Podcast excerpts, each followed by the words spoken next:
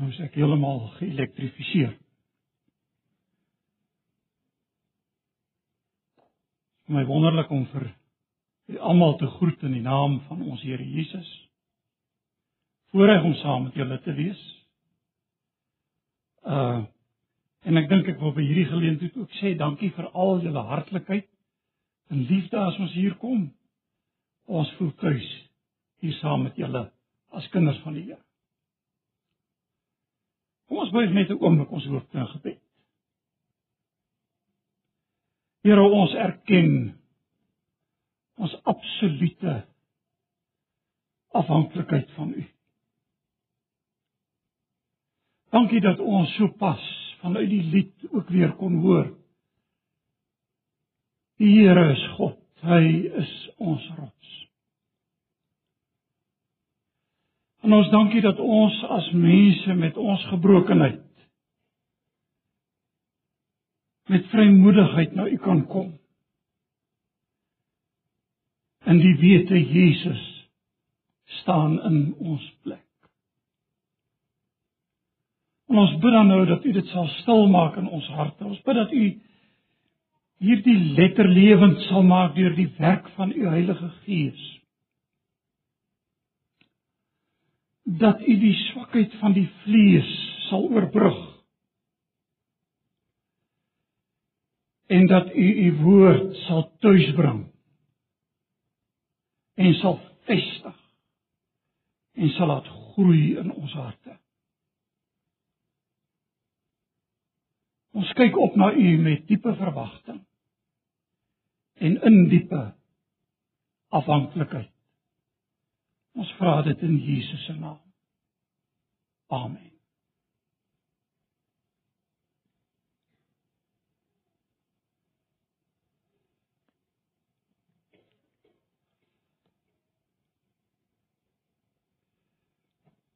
Die gedeelte wat ek vanmôre vanmôre aan aan u wil voorhou Psalm 121, 'n baie baie bekende Psalm.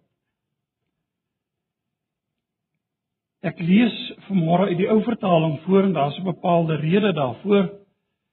En uh in die boodskap sal jy agterkom waarom. Psalm 121 'n bedevaartslied. Ek slaan my oë op na die berge. Waar sal my hulp vandaan kom? My hulp is van die Here wat hemel en aarde gemaak het. Hy kan jou voet nie laat wankel nie.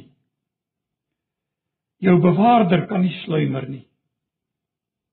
Kyk. Die bewaarder van Israel sluimer of slaap nie. Die Here is jou bewaarder. Die Here is jou skaduwee aan jou regterhand. Die son sal jou bedags nie steek nie. Die maan ook nie by nag nie. Die Here sal jou bewaar vir elke onheil. Jou siel sal hy bewaar. Die Here sal jou uitgang en jou ingang bewaar van nou af tot in ewigheid. Net hierdie gedeelte. En my gebed is dat die Here dit opnuut sal toepas en sal en van krag sal maak in ons lewens. Nou ek was laas hier saam met julle gewees 25 Desember Dit was nou Kersdag. En by daardie geleentheid het die tema van die boodskap gegaan oor wie is Jesus? Want dis tog immers waaroor alles gaan. Maar nou het ek nog nie geleentheid gehad om vir julle mense 'n mooi nuwe jaar toe te wens nie. En ek wil dit nou graag vanoggend by hierdie geleentheid doen en dit doen aan die hand van Psalm 121.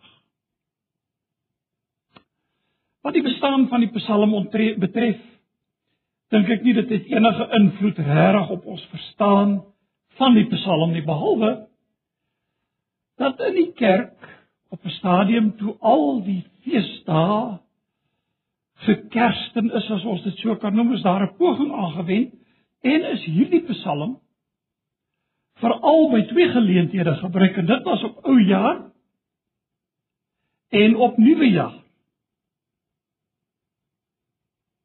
Nou 'n mens sal nou wonder nou wat het die Psalm dan te doen met so iets en ek ek, ek dink nogal dit was baie van pas. Vir die eenvoudige rede dat hierdie Psalm in sy geheel gesien is 'n bedevaart vir die opskrif in die ou vertaling lees op pad. En in 'n sekere sin is ons almal op reis. Nou ons kan waarskynlik vir mekaar sê en dit is ook waar dat hierdie Psalm omsien na 'n baie konkrete reis. Het sy na Jerusalem, het sy van Jerusalem af, het sy na die tempel, het sy van die tempel af. Maar dis deel daarvan. Want as ons die Psalm mooi beskou en dis die rede waarom ek die ou vertaling gelees het, sê hierdie Psalm die Here sal jou siel bewaar van nou af tot in ewigheid. Met ander woorde, dit lyk vir my die perspektief van hierdie Psalm is veel wyer as net 'n reis na die tempel of vanaf die tempel. En wat watter beter nuwe vaart, nuwe jaarswens wil ons hê as juis dit dat die woord van die Here vir ons in hierdie konteks aanspreek. Ons wat op reis is waarvan ons bestaan en die dinge om ons en die dinge wat om ons gebeur ons in 'n groot mate van onsekerheid laat.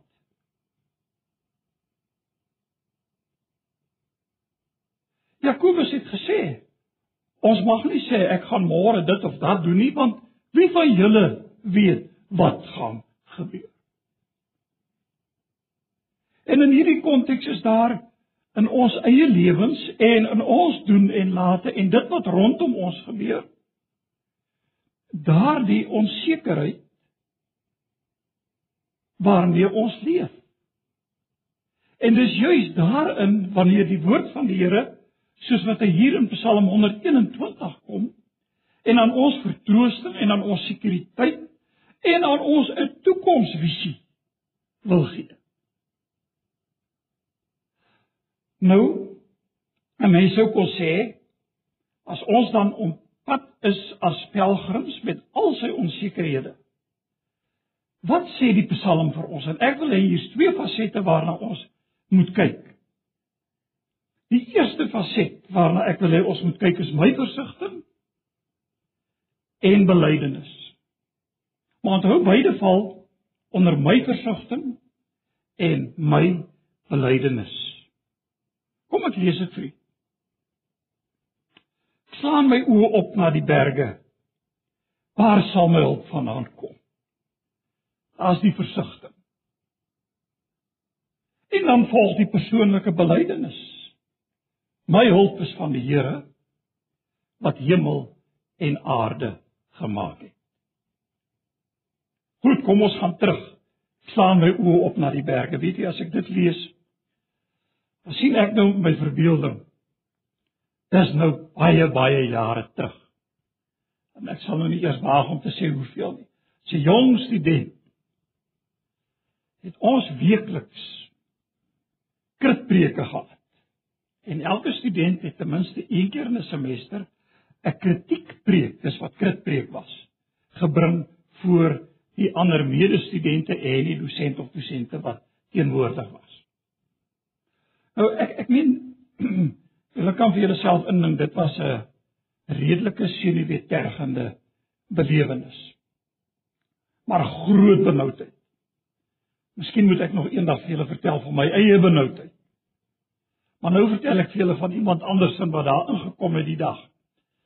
En die ou broer was baie senuweeagtig en hy het tog al 'n manier gehad hy sê skouers opgetrek het, altyd so gespanne gelyk. En hy het daar ingestap gekom en hy sy plek gaan inneem met die skouers so opgetrek, maar jy kon die jy kon die benoudheid op sy gesig lees. En toe maak hy die fout. En hy quoteer hierdie Psalm. En hy het sy oë so op, so hulpeloos en hy sê ek slaan my oë op na die berge. Waar sal my hulp vandaan kom? Nou onnodig om te sê daar was 'n geproes en 'n gehoes en koppe wat weggesteek is en dit was moeilik om 'n reguit gesig te hou want die benoudheid kon jy op sy gesig lees. En nou kom die psalmis en weet jy hy sê ek staan my oë op na die berge. Wat is die betekenis daarvan? Martin Luther hierdie berge baie interessant geïnterpreteer. Hy het dit kristologies geïnterpreteer. Hy het gereken as as as die pelgrim so na Jerusalem toe aankom. Dan kyk hy rondom hom heen en hy sien rondom Jerusalem is berge. En dan sê hy Ek staan my oë op en hy het dit ook so vertaal waarvandaan my hulp kom. En een van die berge het Luther gesê is Golgotha. En dan natuurlik onmiddellik die aandag gefestig op Golgotha en die Here Jesus se prys wat hy vir ons betaal het. Dis waarskynlik een manier om daarna te kyk. Persoonlik reken ek tog hierdie berge in hierdie betrokke Psalm in die konteks gesien het nie so 'n positiewe betekenis soos wat Martin Luther gereken het. Want dit lyk vir my asof die berge hier iets van vrees inboesem. Iets van onsekerheid inboesem. Want sien in die berge is daar gevare. In die berge kan jou voet struikel. In die berge kan daar onheil wees as jy na die Psalm gaan kyk. En binne hierdie konteks van onsekerheid en van vrees as ons dit so wil noem. Kom die digter en hy sê ek slaan my oë op na die berge met al sy gevare met al sy onsekerhede. En broers en susters,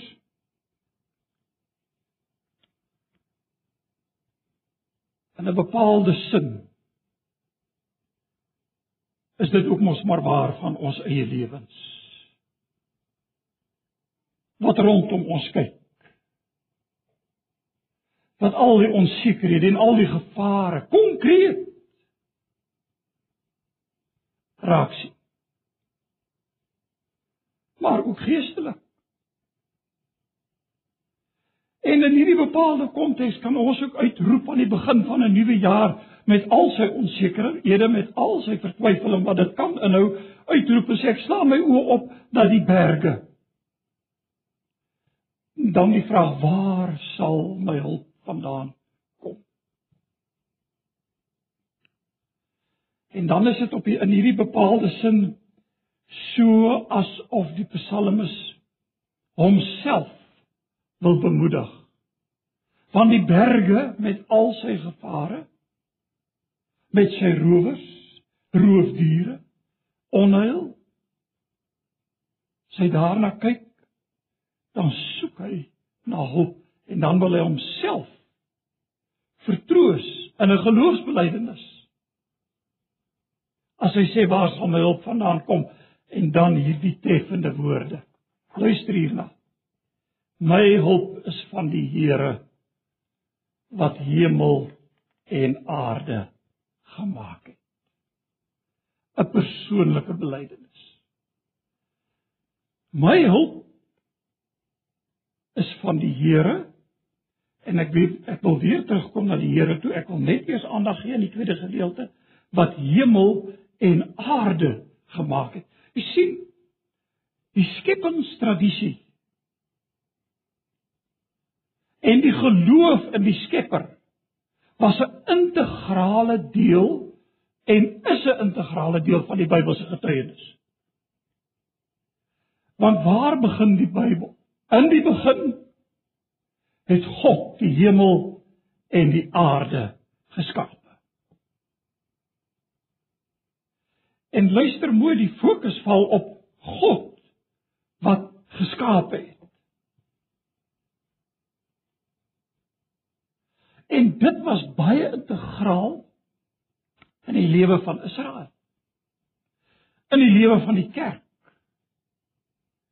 Is dit nie die apostoliese geloofsbelijdenis begin nie? Ek glo in God, die almagtige Vader, skepper van hemel en aarde. En weet jy waarmee sluit die Bybel af? 'n Nuwe hemel en 'n nuwe aarde. Die nuwe Jerusalem. Hy begin by die skepping en hy eindig by alles wat nuut gemaak word. Want sien alles is gebroke deur sonde. Sonde het die wêreld geïnfiltreer. Sonde het die mens om geïnfiltreer. Sonde het die skepping geïnfiltreer. Een van die mooiste gedeeltes vir my, Romeine 8. Die hele skepping wag met reikhalsende ver, verwagting op die openbarmaking van die kinders van God, omdat die skepping self ook aan die nietigheid onderworpe is. Nie gewilliglik nie. Maar ter wille van hom wat dit onderwerp het in die hoop dat die skepping self vrygemaak sal word van hierdie verganklikheid. En broer en suster, ons word mos altyd herinner aan hierdie verganklikheid. As 'n jong man in die bediening en ek het redelik vroeg begin grys word. Toe kom een van die ouer oomies wat lank al oorlede is en hy kom so en hy klap so aan die grys haar wat hier uitkom. So paartjies hier by die slape. En hy sê, "Mmm, grafblommetjies." Nou, party ouens se hare word wit en ander word hulle minder. So varieer dit en die rimpels kom by en die dames is bekommerd en probeer 'n bietjie van die rimpels wegsteek, maar die jare kom en ek en jy kan dit nie keer nie. Ons is aan hierdie nietigheid onderworpe, nie waar nie?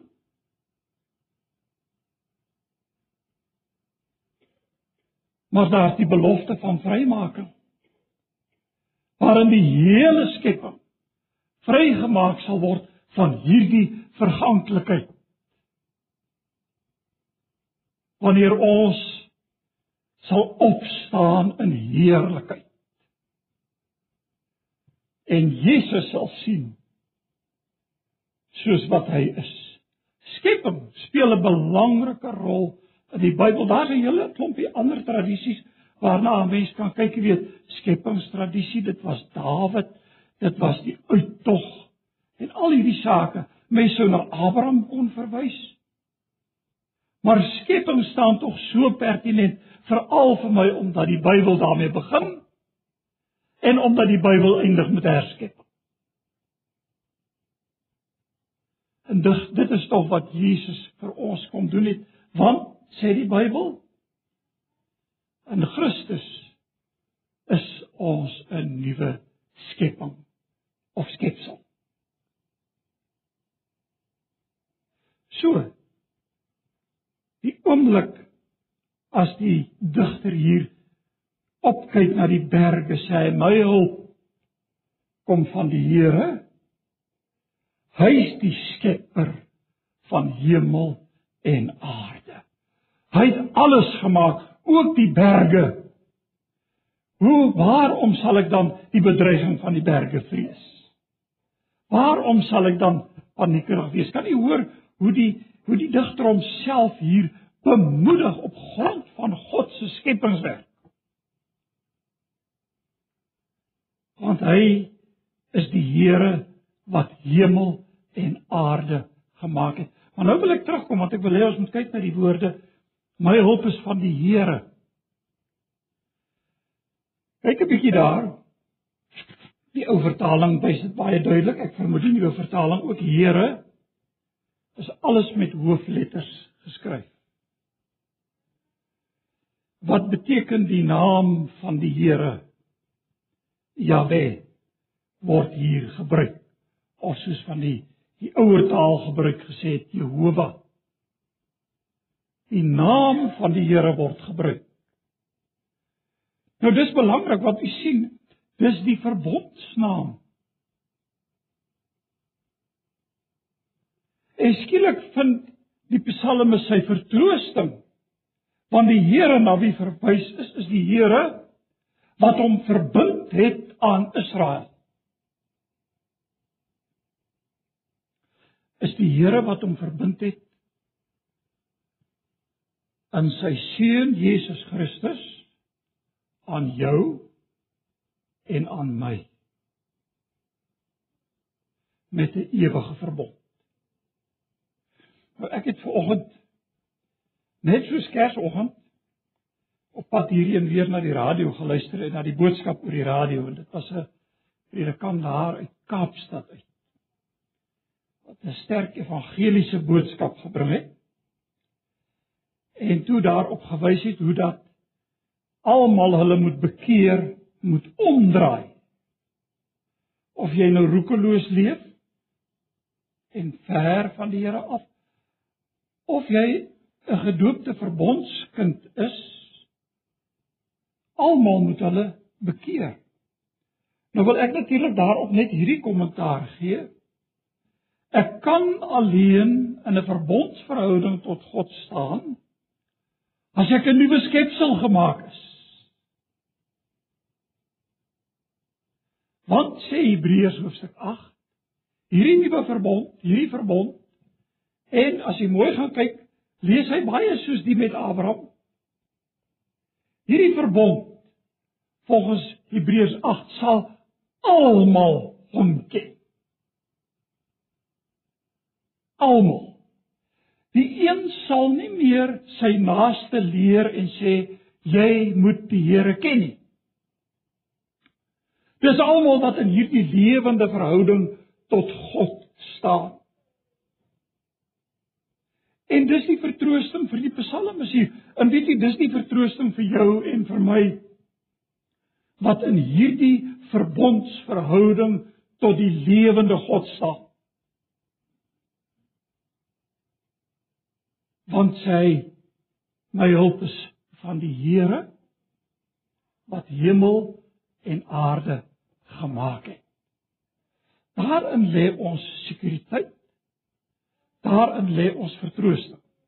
Maar julle sal nou onthou dat ek gesê het die eerste gedeelte is die die eh, wanhoop vraag van die digter. En dan die tweede een is sy eie geloofsbelijdenis. Die digter is self van die woord. Nou dit bring vir ons by die tweede gedeelte. Inskielik is die digter lyk dit vir my nie meer self aan die woord hier nie. Weet nou julle dit al opgemerk het? Jy kyk nou mooi na die Psalm. Daar voor jou. Ek slaan my oë op na die berge. Ek. Waar sal my hulp vandaan kom? My hulp is van die Here wat hemel en aarde gemaak het. En skielik verander hy. Hy sal jou voet nie laat wankel nie. Kan u hoor? Iemand anders is nou hier aan die woord. Want hy het gesê ek en my. Skielik word daar vir hom gesê hy kan jou voet nie laat wankel nie. So dit word hom van buite af gesê. Nou of dit die priester was en of dit 'n tempelkoor was, dit weet ek Maar kom ons stel onsself iets voor. Hier kom ek en jy individueel. Hier in die kerk. Hier by die gemeenskap van gelowiges en ons sê Ek slaan my oë op na die berge, waar sal my hulp vandaan kom? My hulp is van die Here wat hemel en aarde gemaak het. En ek het dit uitgesê en dan antwoord, kom ons sê nou maar die res van die gemeente vir jou en vir my. Hy kan jou voet nie laat wankel nie. Met ander woorde, hier's 'n waarborg wat ook van buite af toe gesê word aan die digter. Wanneer daar gesê word hy kan jou voet nie laat struikel nie of laat wankel nie. Jou bewaarder kan nie sluimer nie. So dis die belangrikheid. Met ander woorde, die volgende gedeelte tot aan die einde van die Psalm vers 8 is dit 'n toesegging.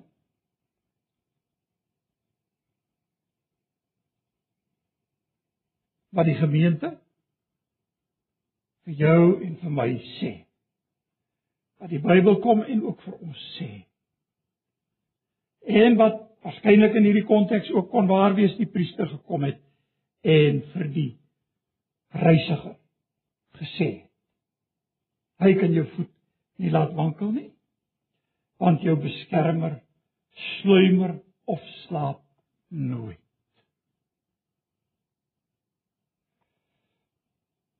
Nou miskien moet ek net hier iets sê van beskerm. In hierdie konteks van die Psalm word beskerm, beskerming in ses verskillende forme gebruik. In hierdie kort Psalm in hierdie enkele vers. Dis so asof die psalmis dit wil indryf om jou te verseker dis die beskermer. Hy beskerm jou. Hy bewaar jou. Hy sal jou beskerm van enige onheil. Hy sal jou ingang en jou uitgang bewaar. Hy is daar om jou te bewaar. Hy sal jou beskerm. Ons het dit vroeër gesing. Hy is die een wat hom oor ons ontferm. Hy beskerm jou. Probleme sal daar wees.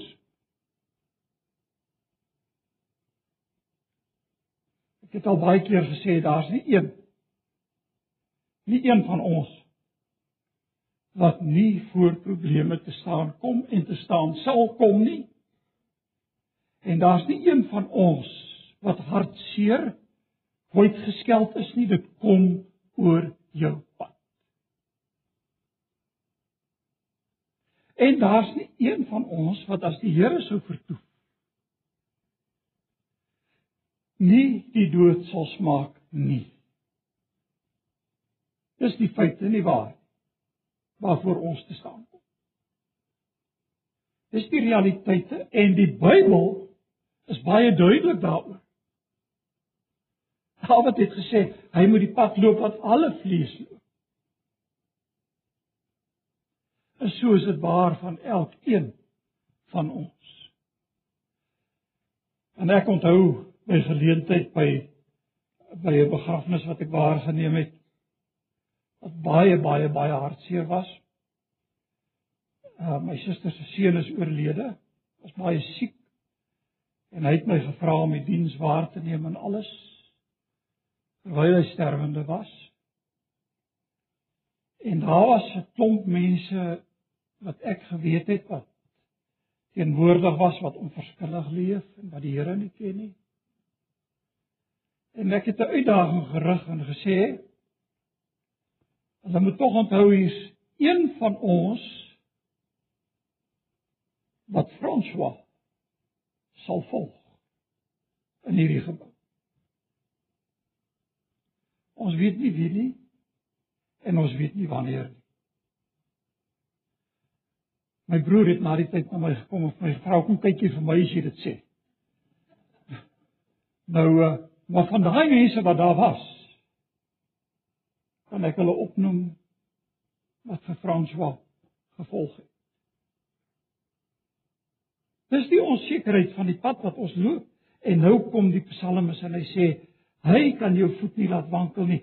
Jou bewaarder kan nie sluimer nie. Hy sluimer nie.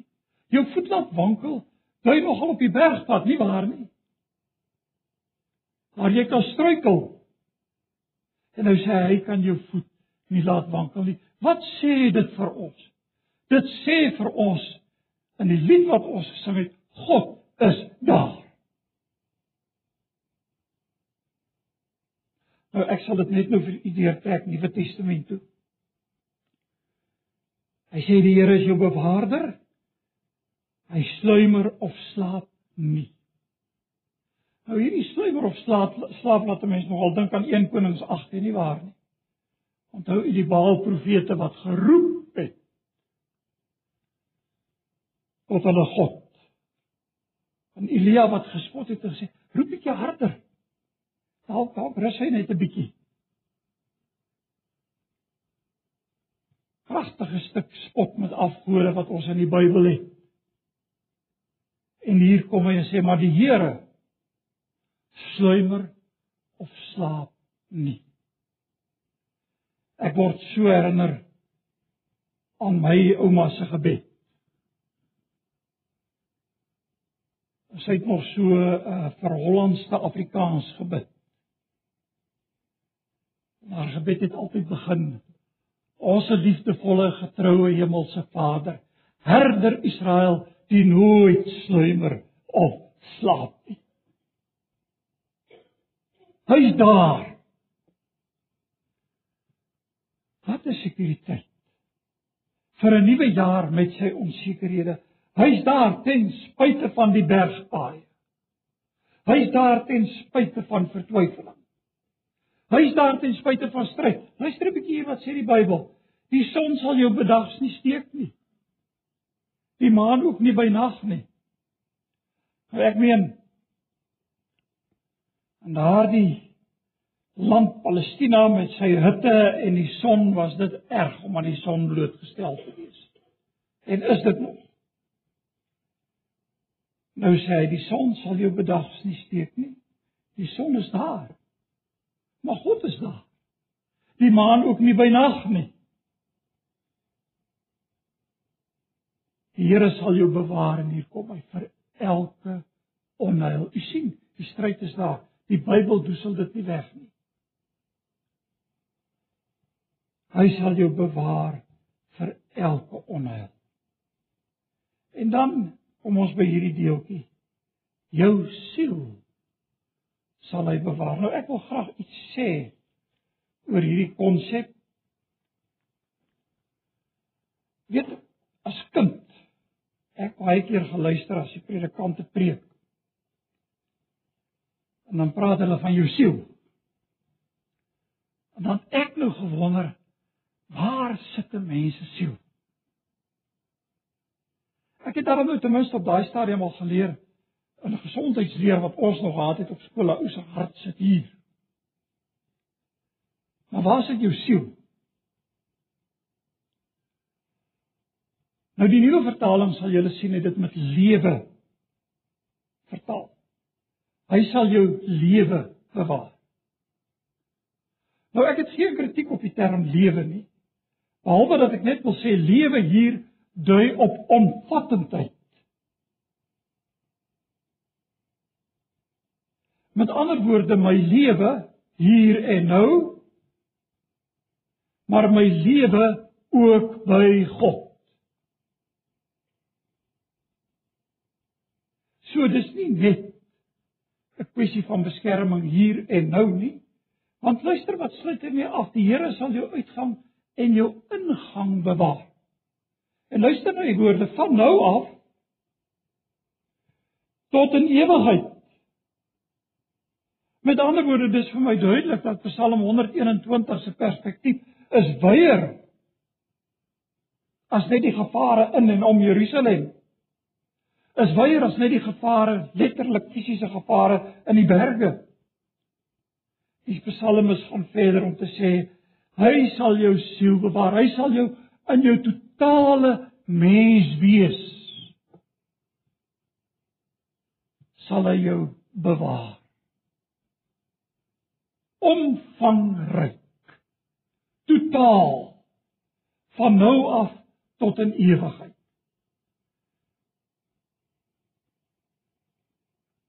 Openbaring praat van die siele wat by die Here is. Mens daarvan lees. En Jesus het gesê in daardie gelykenis van die ryk man wat al sy skatte opgegaar het. Vandag sal ek jou siel van jou afwys wat ook lewe kan wees. Maar natuurlik het Jesus ook gesê moenie vrees vir hulle wat die liggaam kan doodmaak nie. Dit gaan om vattender as dit. Dis groter en baie meer omvangryk. En hy sal dit doen van nou af, sê hy. Tot in ewigheid. Susters, wat 'n beter waarborg kan ons hê vir die jaar wat voorlê en vir die jare wat kom. Vir die jaar wat voorlê van die gemeente. Vir die jaar wat voorlê vir elkeen van ons om te weet. Jou siel sal hy bewaar. Van nou af tot in ewigheid. En weet u, ek het vir u genoem hierdie Psalm wys vir ons hier is die beskermer in nood. Maar die beskermer in nood in die Nuwe Testament by ons gekom as die verlosser uit sonde. Ek wil net vanaand vir u verwys na Matteus. Matteus 1 vers 23 lees ons aangaande die koms van die Here Jesus en jy moet hom Immanuel noem. Met ons. Dit almal nie waar? Jy het al mooi gedink waarmee sluit Matteus af? ek is met julle. Gaan nie en maak disippels.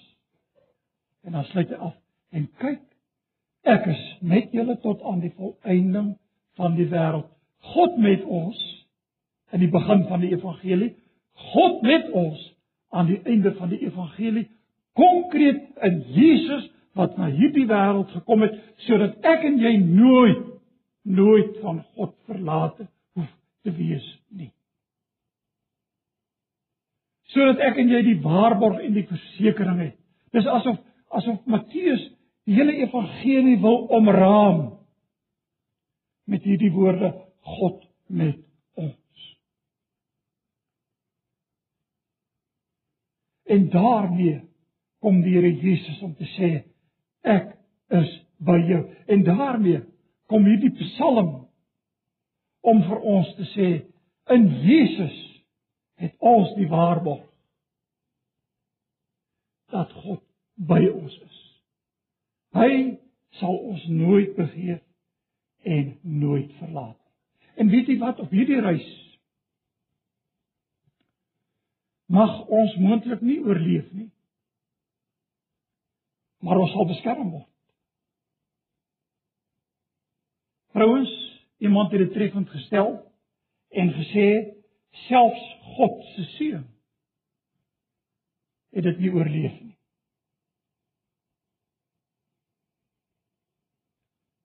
En hy het dit so treffend gestel, hy het gesê hy was so dood dat hom moes begrawe.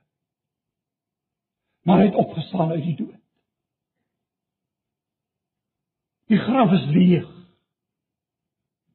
En julle weet van die debat wat aan die gang is oor die leë graf en die opstanding en die dinge. Nou leë graf wat my betref en opstanding is twee kante van dieselfde munt. Ek kan nie Jesus as opgestaane Heer met 'n skoon gewete verkondig as die graf nie leeg is nie. Maar nou sê Paulus, hy het opgestaan uit die dood. Hy leef. En daarin lê ons sekuriteit. Hy het herleef. Hy het opgestaan uit die dood en staan as hoë priester vir ons in. Psalm 121 sê vir ons eintlik Immanuel, nie waar? God met ons. En Jesus het dit verseël. Bevestig met sy sterwe. Die feit dat hy begrawe is en die feit dat hy opgestaan het uit die dood. En ons met hom sal lewe. Want hy is die waarborg van jou en van my opstanding. Broeders en susters, dis my wens, my gebed vir julle as gemeente, vir almal van ons. Dat hierdie Psalm vir ons opnuut waar sal word. En dit vir ons aan die hart sal gryp. Gaan lees dit weer. En ek het nou ek wil iets doen. Baie van julle ken dit. En ek weet nou nie of almal ewes maar vir my was dit baie treffend. Hans Du Plessis daar van Potchefstroom.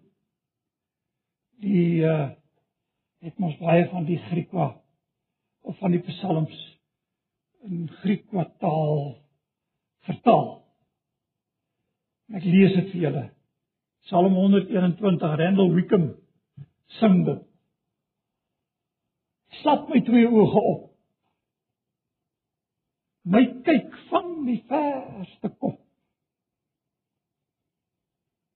Waarvan af sal my hulp nou kom? My hulp is van die Here. Van hom. Hy het nou die hemel en Priska gekom maak. Sonder dat jou voete klippers raak, is hy die skoene agter die skap. Hy dink nooit eers oor slag. Soms sê jy hoed op jou kop. In die nag hou jy die gevaarlikheid dop. Hy is mos nou daar om jou op te pas. Jou siel hou hy tussen jou ribbes vas. Gaan jy nou in of gaan jy nou uit? Hy is by jou vir ewig en altyd ook as ek en jy hierdie pad op hierdie aarde tot sien sê en ons die nuwe Jerusalem betree in heerlikheid saam met God. Amen. Kom ons buig ons hoofde gebed. Baie dankie Here vir hierdie tydjie so saam en vir dit wat ons met mekaar kon deel. En ag waar u woord in menslike swakheid en in gebrokenheid gekom het. Dis my gebed dat u dit sal bevestig. Deur die werk van u Heilige Gees en dat u self die naprediker van u woord sal wees.